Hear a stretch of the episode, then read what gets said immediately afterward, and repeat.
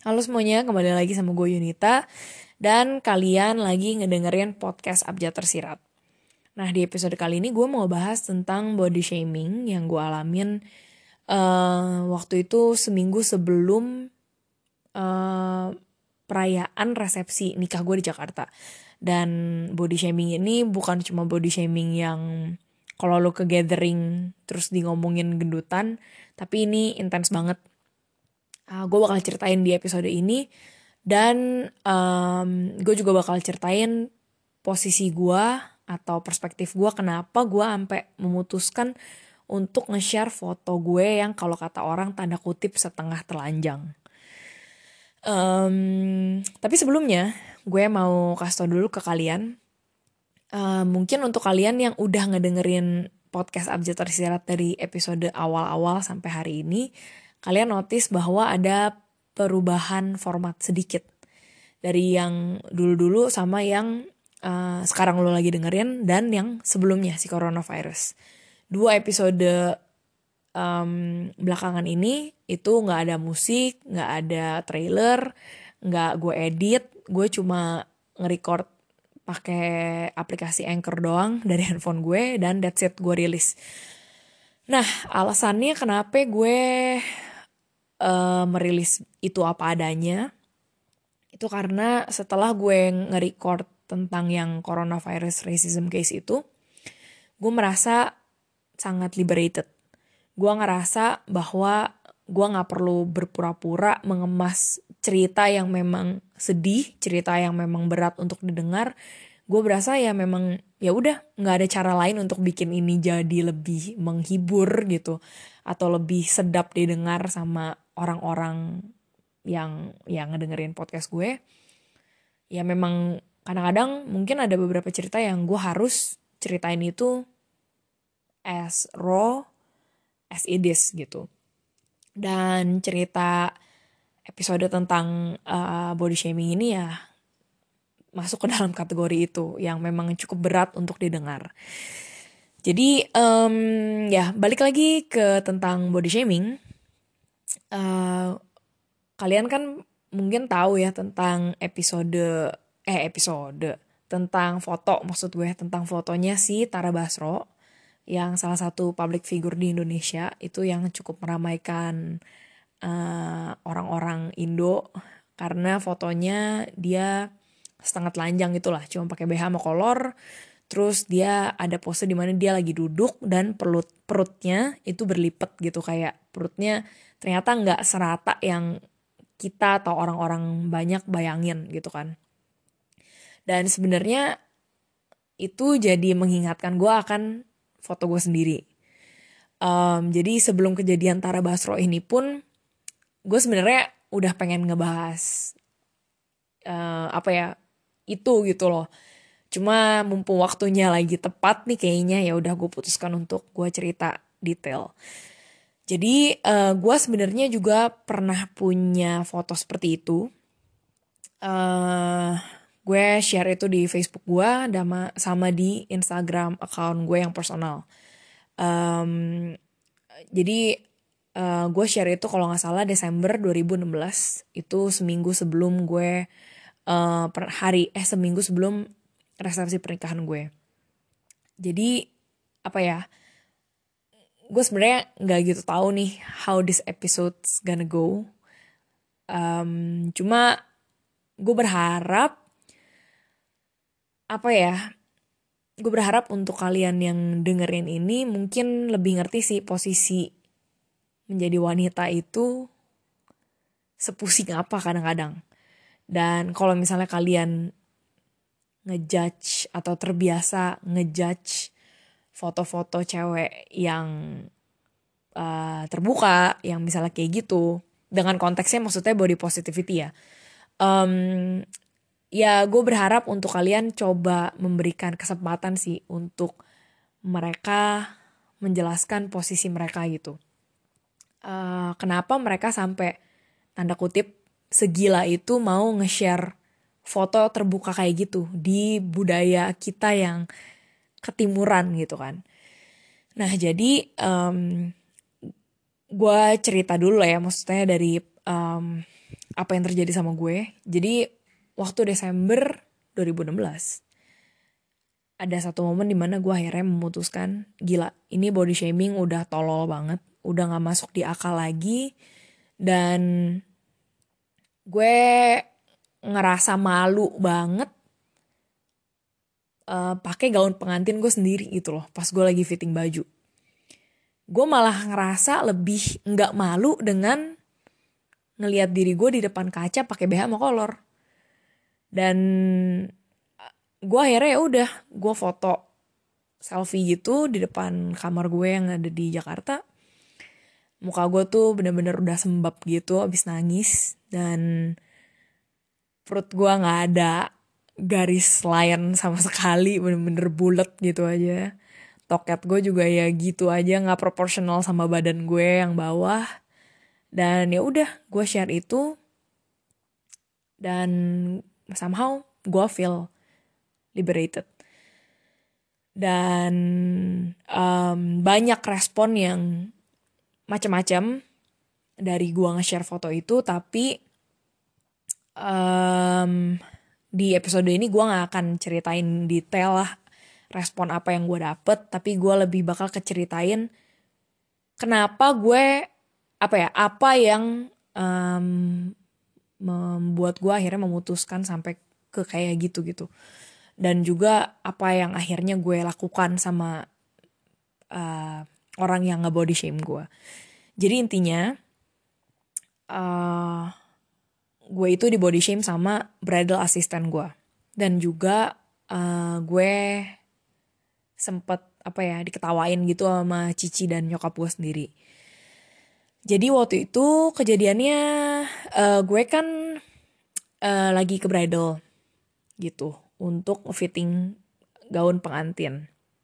Nah, sebenarnya gue itu sudah ke bridal itu Januari 2016 saat akhirnya gue tahu uh, oke, okay, gue mesti uh, akhirnya resepsi pernikahan walaupun awalnya cowok gue sama gue nggak mau, tapi yaudahlah untuk menyenangkan hati orang tua or whatever kita lakuin aja. Hmm, jadi gue tuh uh, akhirnya di Jakarta waktu Januari itu langsung cari cincin sama bridal karena itu dua hal yang harus ada guanya kan di sana. Karena setelah itu ya gue harus balik lagi ke Perth, uh, melanjutkan kehidupan gue dan abis itu balik lagi untuk ngurusin uh, finalisasi resepsi which is bulan November ke Desember gitu. Nah, singkat cerita, gue waktu bulan Januari itu udah memilih satu gaun pengantin lah. Dan gaun pengantin itu emang gue suka banget karena stylenya vintage dan memang style yang gue suka.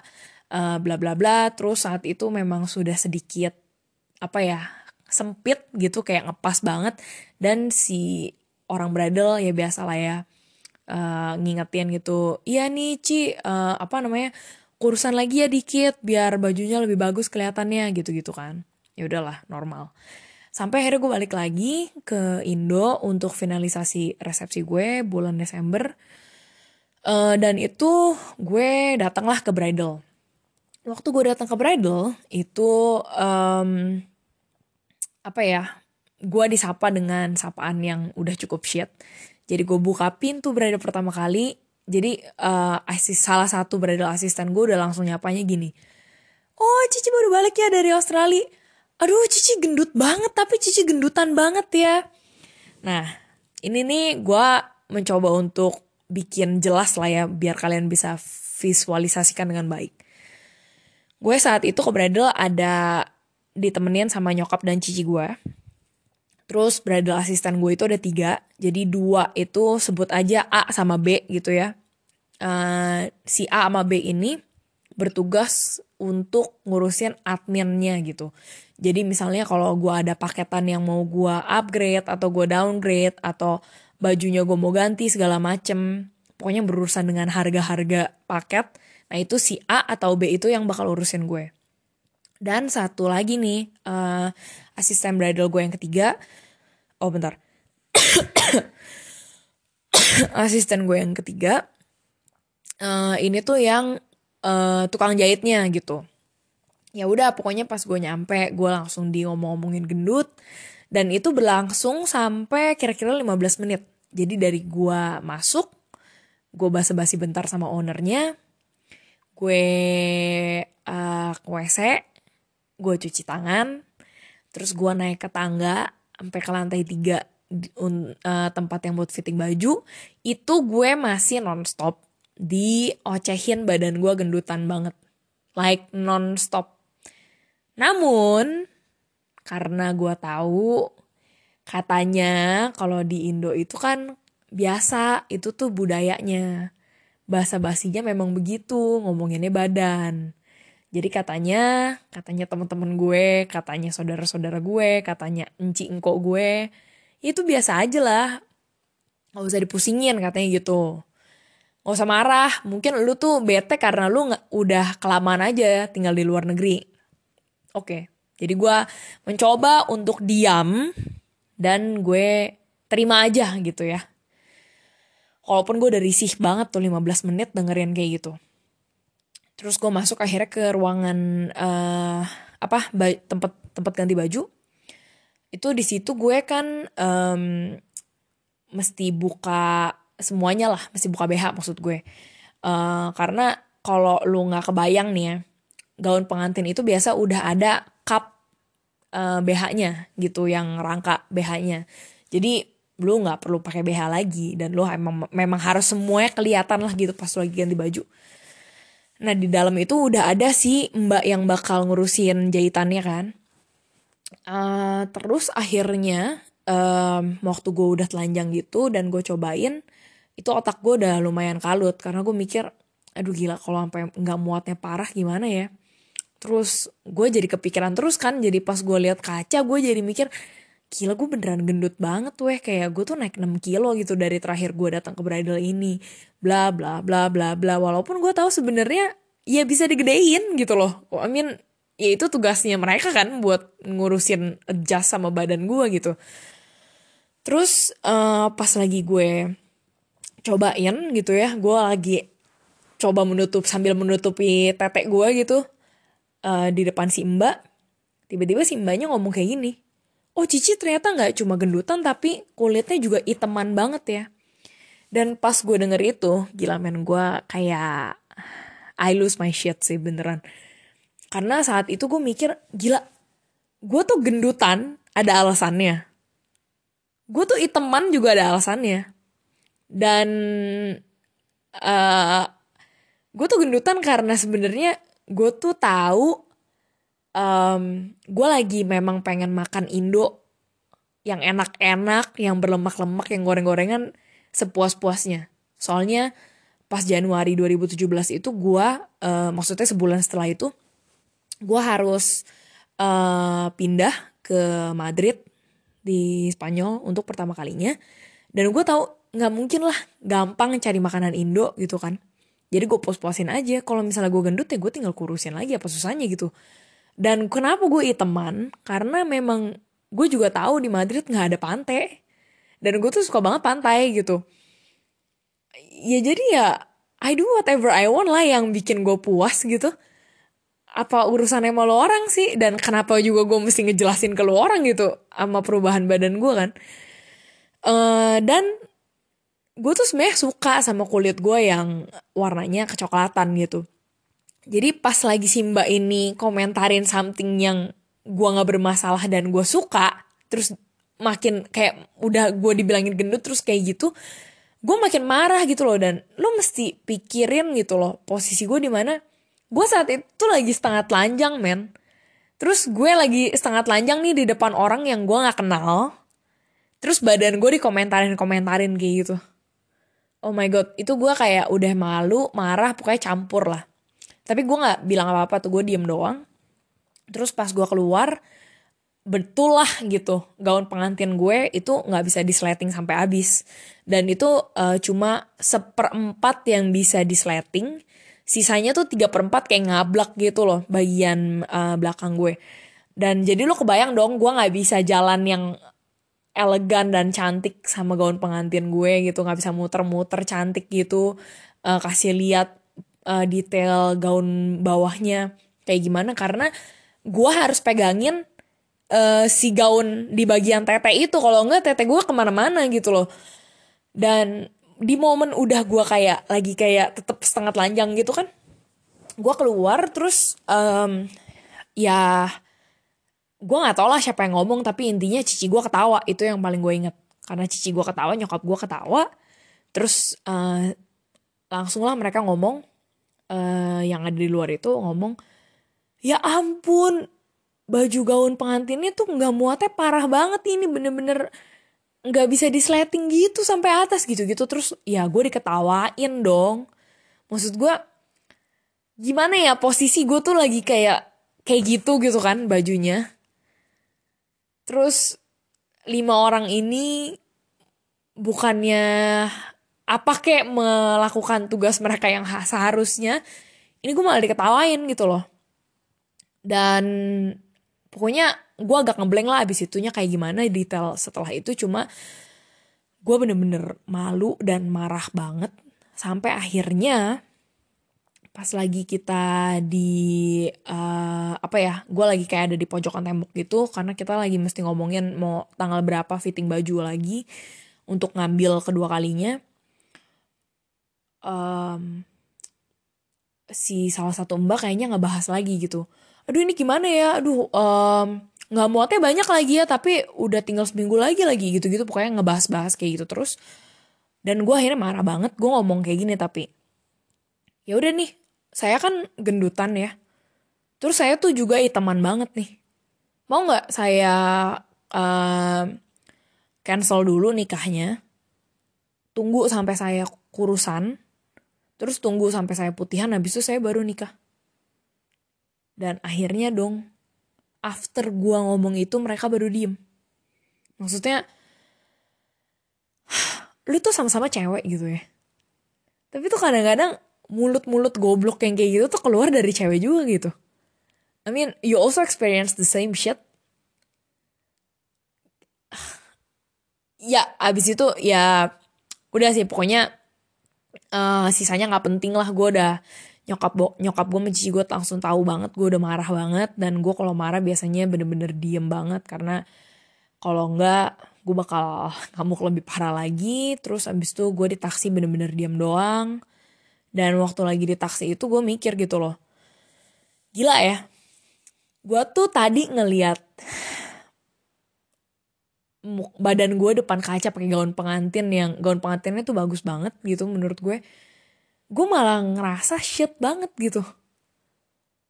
Karena apa ya ini jadi kayak badan gue yang dipaksain untuk muat ke baju itu instead of baju itu di adjust ke gue gitu loh. Padahal bisa di adjust dan pas nyampe rumah gue langsung masuk ke kamar banting pintu kunci pintu. Gila gue langsung nangis sejadi-jadinya beneran. Kayak gue nangis sejadi-jadinya saat itu juga suami gue nggak ada kan di sana karena suami gue masih di Perth gitu masih kerja. Dia balik beberapa hari. Uh, kayak tiga atau empat hari lah sebelum hari uh, wedding pernikahan kita gitu. Terus akhirnya gue mikir gitu gila gue mau coba sekali lagi lihat badan gue sih. Gue mau coba sekali lagi lihat badan gue emang sejelek itu ya gitu akhirnya gue inget banget gue pakai sweater warna kuning sama dress vintage gue yang bunga-bunga hitam uh, kuning juga hitam kuning gitu.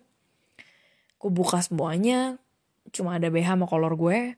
Gue liat kaca sih. Bener-bener gue liat kaca dalam-dalam. Gue liat muka gue yang udah aduh ada amburadul lah bekas nangis dan pas gue liat pas gue liat apa ya image gue sendiri di depan kaca itu gue ngerasa kayak gila ini tuh badan gue yang apa adanya memang memang memang badan tuh nggak pernah selalu sama gitu loh dan ya udah stage-nya lagi kayak gini which is okay ya udah oke okay. gue malah ngerasa lebih berasa ada apa ya nyaman saat gue lihat badan gue tuh cuma pakai BH sama kolor. Tapi kenapa pas gue lagi di bridal, yang semestinya seharusnya gue merasa lebih cantik, pakai gaun pengantin itu gue malah merasa bener-bener kayak gembel terus dipaksa pakai baju putri gitu gila terus ya akhirnya gue udah gak ada kata-kata lagi untuk menceritakan atau mungkin mengungkapkan kekecewaan gue marah gue malu gue seneng gue juga akhirnya bisa coba belajar ngeliat badan gue di depan kaca apa adanya gitu cuma pakai BH color ya memang kayak gitu. Ya udah akhirnya gue memutuskan untuk ambil uh, selfie di depan cermin itu. Dan gue akhirnya posting si foto itu uh, di Facebook sama di Instagram. Uh, responnya gue nggak bisa ceritain detail tapi intinya uh, ada mix respon.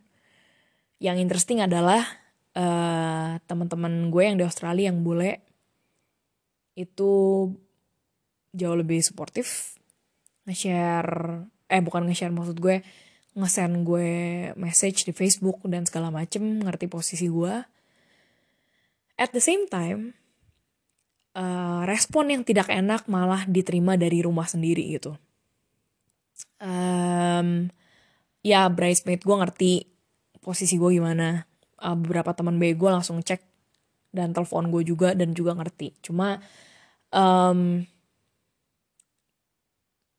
keluarga gue kayak cici gue angko gue segala macem cuma bisa taunya gue um, emosian orangnya gitu uh, dan by the way gue waktu itu akhirnya sempet telepon suami gue juga gitu tuh gue lagi uh, di kamar itu gitu. Gue cerita lah apa adanya sama dia dan gue cuma ngomong sama dia. Abis ini gue kayaknya mau menceritakan something di social media gue and whatever it is lu terima aja gitu. That's the only support yang lu bisa kasih ke gue saat lu lagi nggak ada di sini gue kayaknya kalau nggak salah ngomong kayak gitu. Dan ya untungnya sih suami gue terima apa adanya sih gitu. Uh, tentang foto itu gitu. Kayak maksudnya dia ngerti konteksnya dan gue ngerasa apa ya yang paling kecewa tuh sebenarnya tentang body shaming itu sendiri biasanya dan juga speaking up ya kayak gitu biasa tuh malah yang bikin kecewa itu adalah respon dari orang tua sendiri atau dari siblings gitu. Gue ngerasa saat itu um, gimana ya gue ceritanya? Uh, karena gue tau ini nggak bakal diedit. Tapi at the same time gue juga nggak mau hmm, put apa ya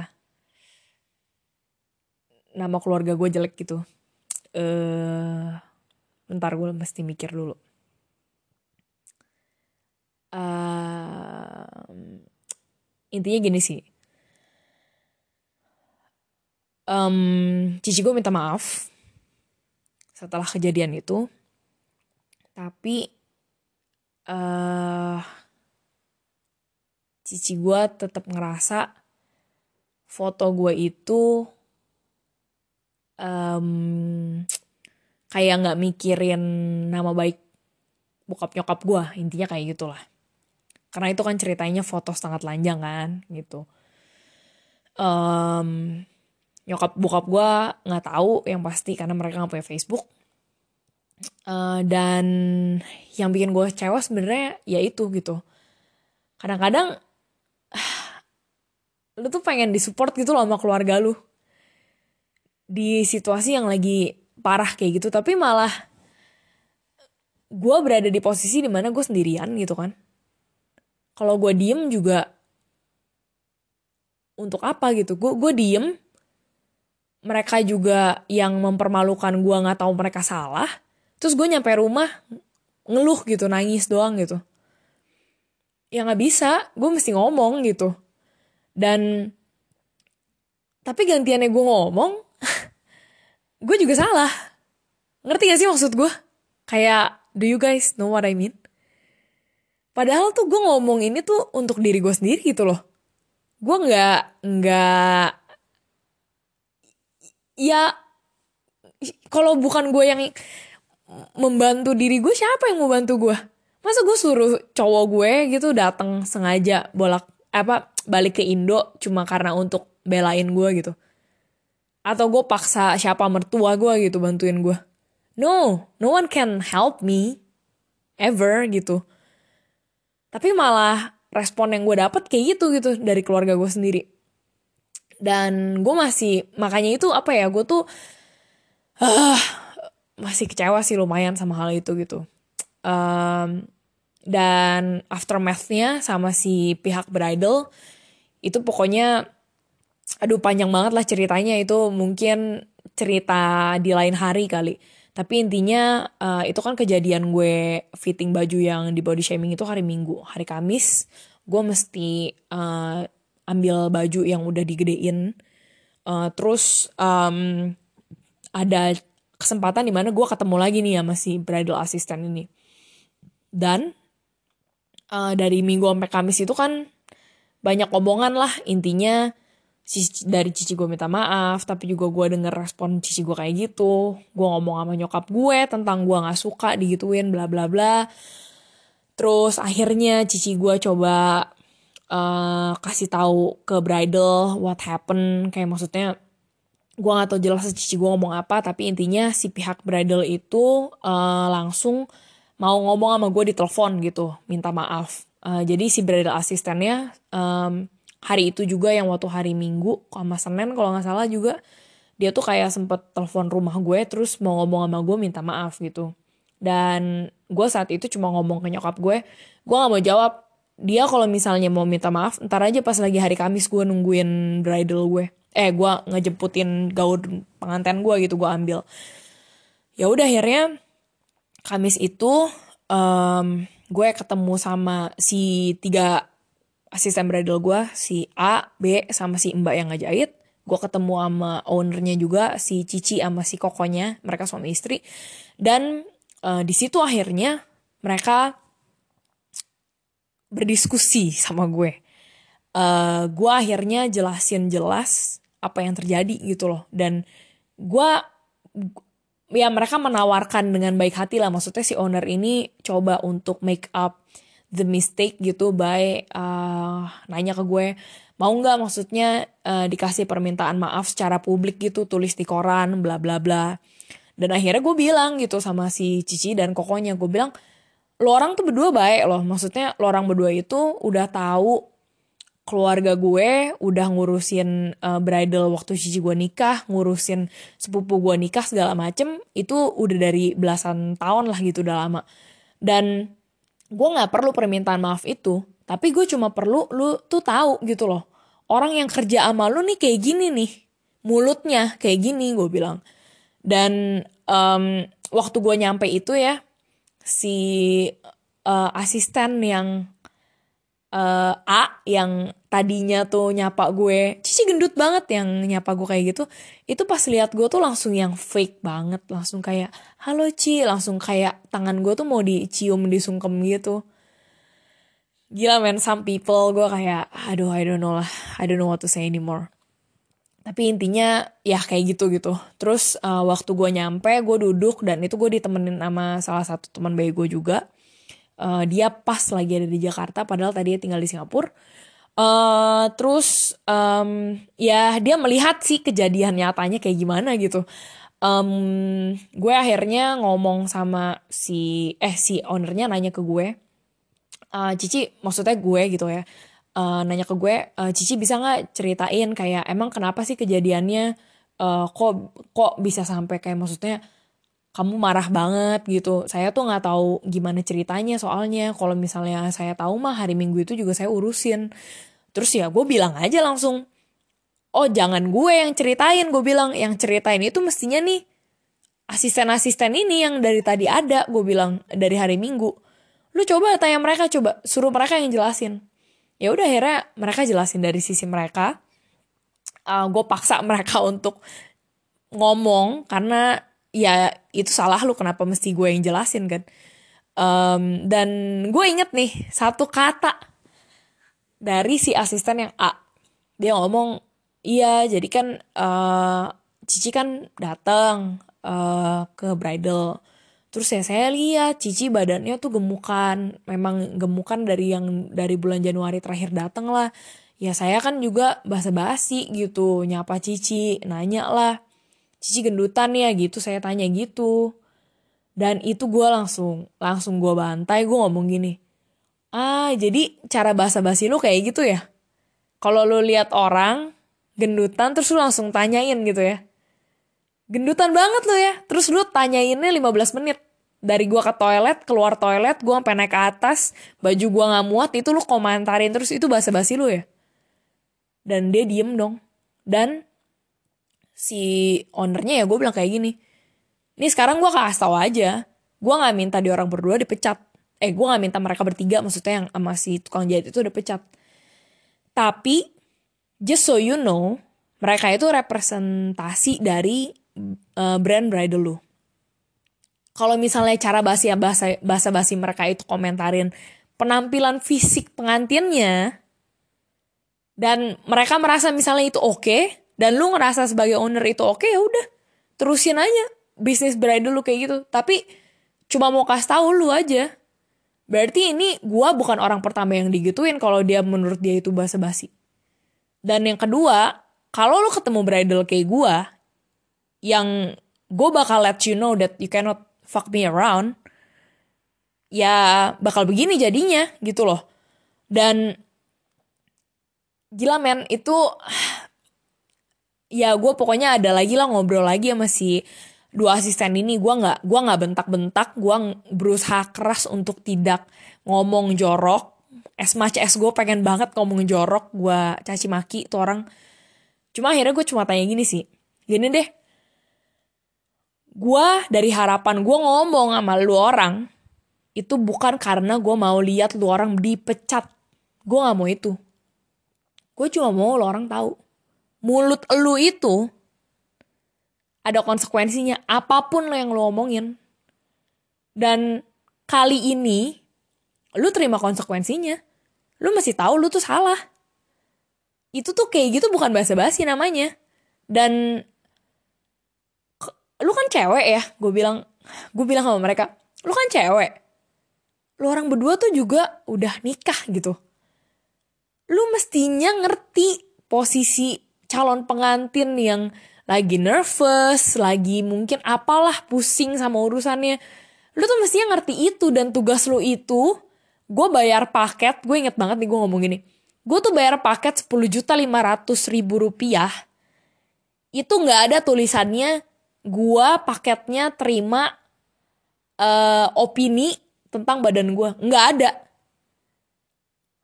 Gue cuma per perlu baju aja udah dan itu kan tugas lo untuk ngegedein bajunya, ngekecilin bajunya.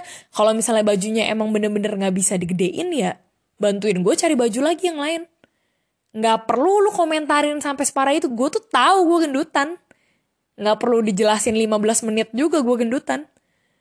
Aduh gila itu parah deh. Terus ya, ya singkat cerita itu sih. Um, gimana ya gue agak bingung sebenarnya mau kasih konklusi apa tapi dari kejadian itu gue belajar gitu loh. Kadang-kadang um,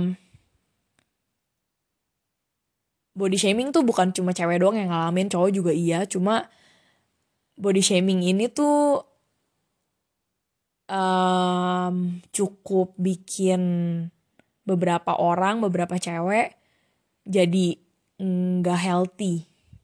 As in dalam artian mungkin gara-gara takut di body shame jadi diet gila-gilaan atau jadi olahraga gila-gilaan atau malah yang kayak gimana lah tuh the extreme gitu. Dan gue tuh cuma kasih lihat itu tuh takes its toll gitu loh this body shaming thing. Dan kita tuh dari kecil udah dibilangin ada yang salah selalu sama diri kita, sama badan kita dan segala macem. Dan itu akan menjadi jernih sampai lu mati sumur hidup untuk belajar mencintai diri lu sendiri, badan lu. Sampai detik ini pun gue lagi cerita, gue tuh lagi di berat 73 kilo. Gue lagi gak gitu olahraga banyak banget, cuma nari doang. Dan um, gue tahu uh, badan gue gue udah mulai nggak suka uh, shape-nya even hari ini gue lagi cerita ini pun gue lagi struggle gitu loh sama untuk mencoba mem, apa ya menerima oke okay, state badan gue lagi kayak gini nih lagi berubah memang. Jadi apa ya gue ngerasa kalau kita nih yang cewek udah tahu betapa susahnya gitu ya kita tuh struggle semuanya struggle sama hal ini. Even si mbak asisten bridal yang ngoceh-ngocehin badan gue pun juga dia pasti struggle sama hal body image ini so if you know you guys are struggling then why you don't choose to support each other gitu loh as in dalam artian jangan bawa-bawa body shaming ini menjadi basa-basi budaya Indonesia. Ngerti gak lo? Karena sekali lu ngomong ini nih budayanya orang Indo nih. Itu tuh artinya lu tuh mengamini, lu tuh menormalisasi hal yang lu tahu jelas itu goblok. Gue udah gak tau lagi apa, apa kata lain lah. Selain ini goblok. Tapi lu males berubah apa susahnya sih kalau lu emang gak ngerti bahasa basi sama orang misalnya lu ketemu teman cewek lu yang udah lama gak ketemu apa susahnya lu cuma tanya apa kabar lu gak perlu komentarin apa ya kemarin tuh teman gue cerita dia dikomentarin uh, sama salah satu orang aduh alis kamu bagus banget ya gigi kamu rata banget ya even though it's nice even though it's good gitu tapi nggak perlu lu komentarin kondisi fisik orang atau mungkin lu tanya status pernikahan dia, kapan dia nikah, kapan dia punya anak, kapan dia sendiri, kapan dia putus, kapan dia ngapain nggak perlu. Menurut gue kalau lu sama-sama cewek lu juga ngalamin hal yang susah kayak gini gitu, ya tanyalah apa kabar. Dan dari hal itu lu bisa nanya sisanya lagi sibuk apa segala macem. Dan ini tuh hal yang memang lu nggak bisa lah meng apa ya tanda kutip membenarkan atau mengedukasi semua orang yang ngomong kayak gitu. Iya, gue ngerti. Uh, banyak banget orang yang kayak gitu. Kalau lo ke lagi kumpulan keluarga pasti ada aja yang kayak gitu.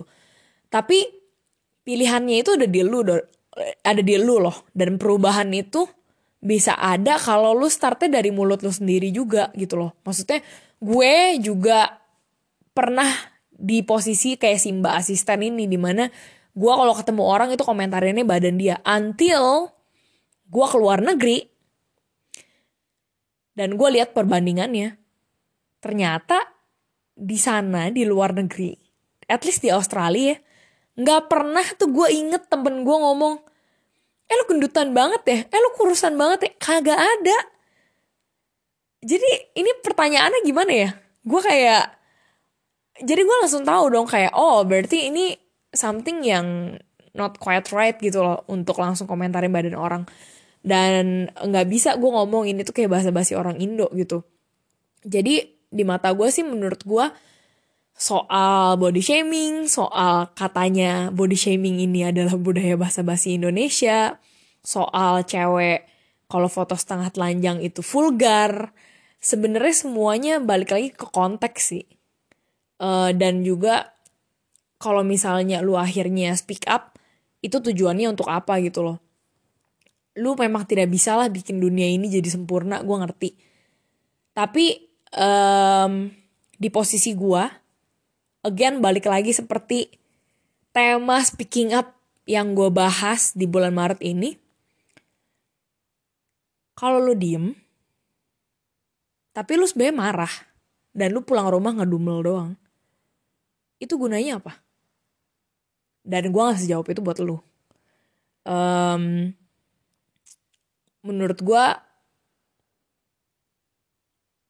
um, itu PR masing-masing setiap orang buat hmm, tahu posisi diri mereka kayak gimana untuk tahu kapan harus menolong diri mereka sendiri untuk tahu bahwa kadang-kadang diem itu nggak selalu gold dan di mata gue sendiri um, kalau misalnya lu mau ngomong jujur um, itu memang selalu apa ya nggak bakal pernah ada puasnya sih orang gitu dari respon lu nggak akan pernah bisa membahagiakan semua orang lah intinya kayak gitu. Jadi tujuannya adalah ya lu cuma bisa bikin diri lu sendiri yang bahagia belajar uh, dan dapetin pelajaran terbaik sih dari hal yang lu lakuin apa pun itulah. Kalau dalam case ini ya body shaming gitu. Um, jadi um, ya gue tidak tahu sih bagaimana harus menutup episode ini. Cuma ya segitu doang yang bisa gue bilang. Um, well again thank you untuk yang udah dengerin uh, podcast subjek tersirat. Um, gue harap kalian bisa hmm, bukan cuma mendapatkan sesuatu ya, tapi kalau lu tahu ada sesuatu yang gak lu suka dalam hal atau isu apa pun di sekitar lu, lu coba pikir gitu. Apa yang bisa lu lakuin? Entah itu lu pilih diem, atau entah lu itu pilih untuk berbicara terus terang. Bagaimanapun caranya, pokoknya lu harus pikirin uh, apa yang terbaik buat gua, uh, dan apa konsekuensinya dan apa yang bisa gue pelajari dari itu karena gue tahu di dalam kasus body shaming ini uh, waktu gue ngobrol sama sepupu dan juga ipar gue yang cewek mereka bermasalah. Mereka juga digituin waktu lagi mereka fitting baju gitu. Tapi pas gue tanya tapi kalau lu tahu lu nggak suka dan lu pulang rumah ngedumel lu ngapain? Dan mereka nggak bisa jawab apa-apa gitu sekarang pertanyaannya bukan kasih lihat gitu ya kayak oh gue tuh berani orangnya atau gimana. Enggak bukan bukan itu. Bukan itu yang mau gue kasih lihat. Yang mau gue kasih lihat adalah kalau lu tahu lu lagi ada masalah itu dan lu diem tapi lu juga ngedumel nyampe rumah itu salah lu. You need to do something about it. Ya itu aja sih dari gue jadi um, mungkin episode berikutnya nggak tahu bakal ngebahas apa cuma hopefully um, di episode episode yang berikutnya kalian bisa ngebelajarin hal lain yang uh, bisa kalian aplikasiin ke hidup kalian kalau misalnya kalian um, happy ngedengerin podcast gue atau tulisan-tulisan gue jangan lupa untuk share ke teman-teman kalian. Hopefully um, apa yang kalian pelajarin bisa juga diterima sama orang-orang di sekitar kalian. Thank you udah dengerin and see you for the next episode di podcast Abjad Tersirat.